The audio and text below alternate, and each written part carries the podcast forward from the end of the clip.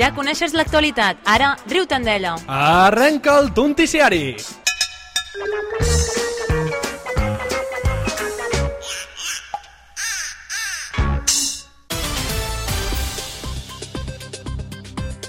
Dos homes se'n van de festa amb el cadàver del seu amic. Aquesta notícia només es pot comentar amb una música de fons concreta.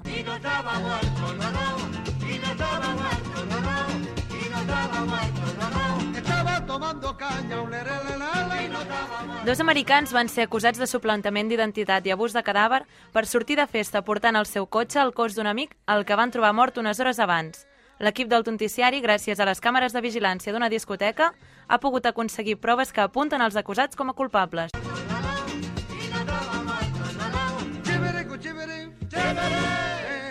Pero al cabo de unos días de haber desaparecido, encontraron uno muerto, muerto muy parecido.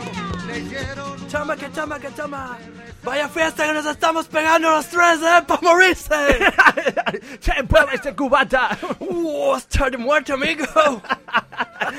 Jack, tío, estás muy callado. No has dicho nada en toda la noche. Cuando te pones así, tío, es que te odio a muerte.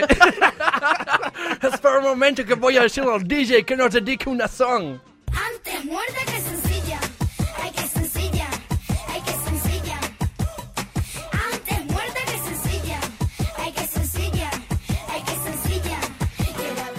Hola guapos, ¿qué tal? Bien, bien. Vuestro amigo es muy tímido, ¿no? No ha dicho nada. Sí, sí, es muy tímido, sí.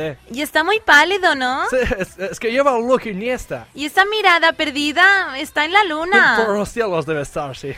Que está borracho, no se mantiene en pie. No, no, es que tiene un caminar extravagante. Uy, está muy frío. Sí, eh, es que... mm, Es que, ya sabes, eh, manos frías, cacaulá caliente. Digo, el corazón caliente. Tío, vámonos ya, que esto va a acabar mal. ¿Pero qué dices si lo estamos resolviendo bien? Sí, y cuando diga que por qué huele, ¿qué le vas a decir? ¿Que te has tirado tú un pedo?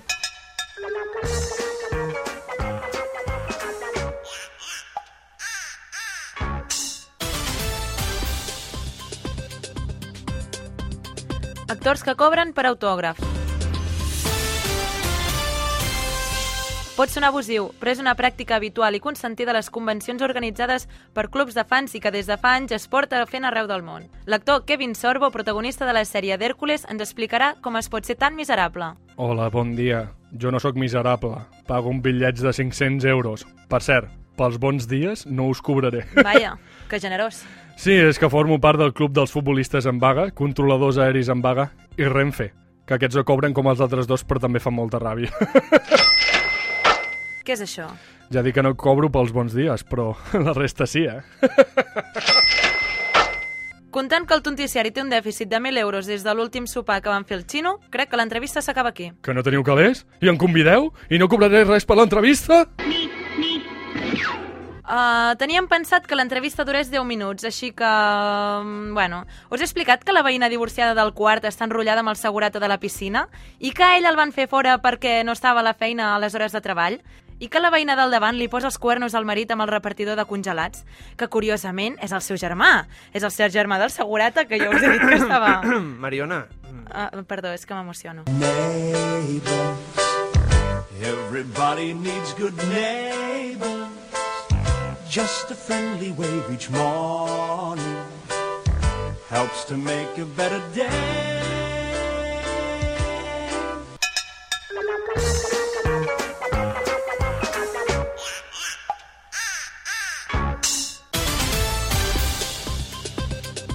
La parella més gran del món, 82 anys de matrimoni.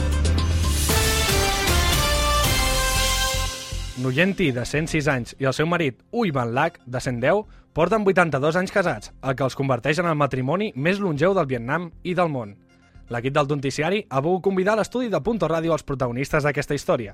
Bon dia i benvinguts. Deixin que els digui que fan vostès una gran parella. Gracias, joven. Tú también haces buena pareja con el micro. Eh, sí, sí, eh, gràcies. Eh, senyora Nuyen, porten vostès junts tota una vida. Sí, toda una vida lavando calzoncillos y pañuelos llenos de mocos. ¡Ay, señor, lévame pronto! I com es van conèixer? Bueno, yo estaba mirando unas obras. Allà al seu país? No, aquí a Carrer Mitgea, no te jodes. Eh, perdoni, home. Pues yo estaba allí mirando los ballines y pasó esta mujer y le gritó a los paletas, guapo, que te comí hasta la hormiganera. Entonces yo eh, pensaba que me lo decía a mí y me acerqué a ella.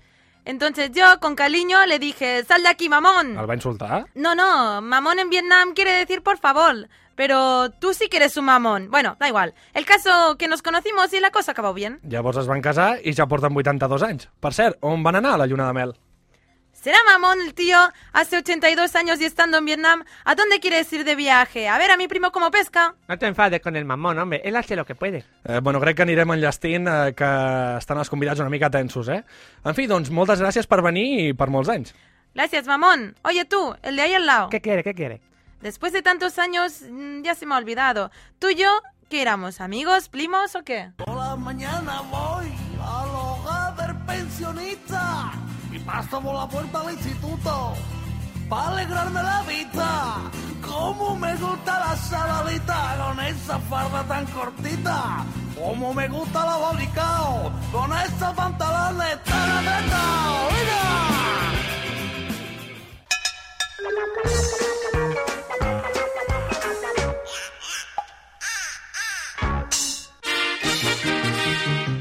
La contraprogramació. Al punt.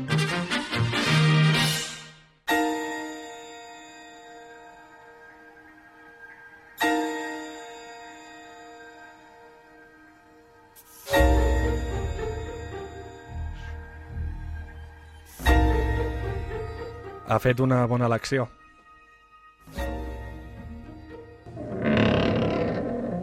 En aquest taüt el seu pare podrà descansar en pau.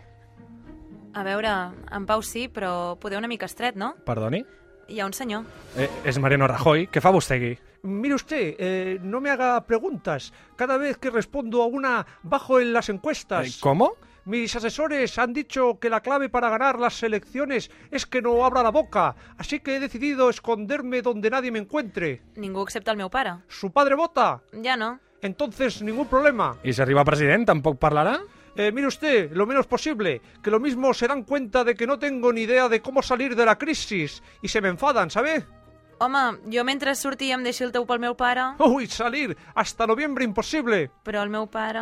La culpa es de ZP por no adelantar las elecciones. Ale, páselo bien. No passa res. En aquest altre taüt també podrà... Hi ha un altre senyor, Zapatero. Vostè també s'amaga aquí? ¿Qué dice? A mí me han puesto aquí los de mi partido.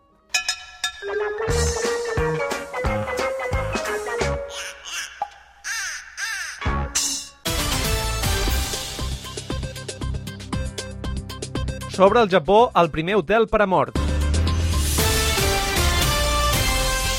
L'hotel L'Estel de Yokohama, al Japó, és igual a tots els altres, però la gran diferència és que els seus hostes són difunts que passen la nit en habitacions fredes. Al Japó hi ha un índex de mortalitat molt elevat, per tant els parents dels difunts estan obligats a esperar fins a 4 dies per accedir als crematoris. Per tant, són molts els que prefereixen contractar aquest servei en lloc de mantenir el cadàver a casa seva. Com diria Matías, en este hotel se está de muerte.